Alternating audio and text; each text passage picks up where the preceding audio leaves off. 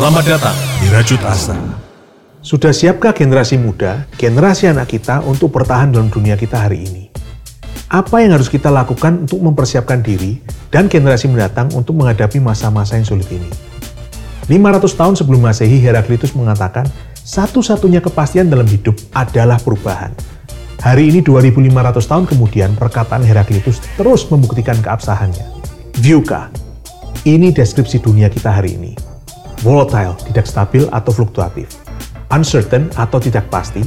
Kompleks alias rumit dan memiliki banyak bagian kecil yang saling berhubungan dan saling mempengaruhi.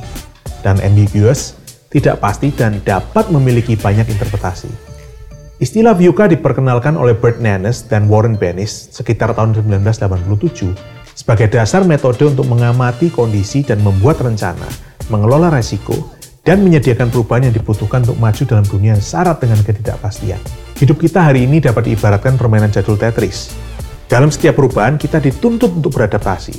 Semakin cepat perubahan itu terjadi, semakin cepat pula kita dituntut untuk berubah. Jika adaptasi adalah kunci bertahan hidup, maka ketahanan hidup kita dalam dunia VUCA ditentukan oleh ketangkasan dan kegesitan kita dalam beradaptasi. Jadi kita harus melakukan apa? Yang pertama, membaca peta perubahan di saat kita semakin banyak mengikuti perubahan yang sedang terjadi dalam dunia, kita akan semakin peka pula terhadap tanda, gejala, dan arah perubahan yang sedang terjadi. Mulai pelajari situasi dunia dari berbagai macam sudut pandang. Semakin kita mengerti perubahan dunia kita dalam beberapa dimensi yang berbeda, semakin kita akan dimampukan untuk membaca perubahan yang terjadi dalam dunia kita ini. Contohnya, jangan melihat perubahan hanya dari segi bisnis saja, tapi mulailah melihat perubahan yang terjadi secara bisnis, psikologis, politis, hingga perilaku dalam sosial media. Mulai perhatikan pergeseran dalam nilai dan perilaku masyarakat, karena itulah yang akan menjadi pemicu perubahan dalam kehidupan kita. Yang kedua, mengembangkan kesadaran diri. Kembangkan pemahaman tentang kekuatan dan kekurangan diri kita sendiri sebagai awal dari pengembangan diri.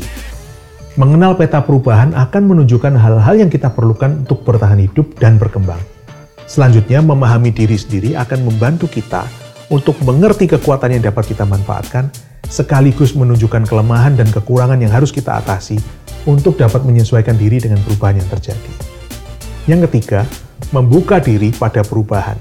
Kita harus bersedia untuk keluar dari zona nyaman dan terbuka untuk secara cepat merangkul konsep-konsep baru yang dibutuhkan dalam dunia kita yang baru. Dengan perubahan yang banyak dan semakin cepat, keterbukaan ini semakin menjadi penting dan harus kita usahakan terus-menerus. Keempat, mengembangkan tujuan bersama. Kita tidak akan dapat maju sendirian.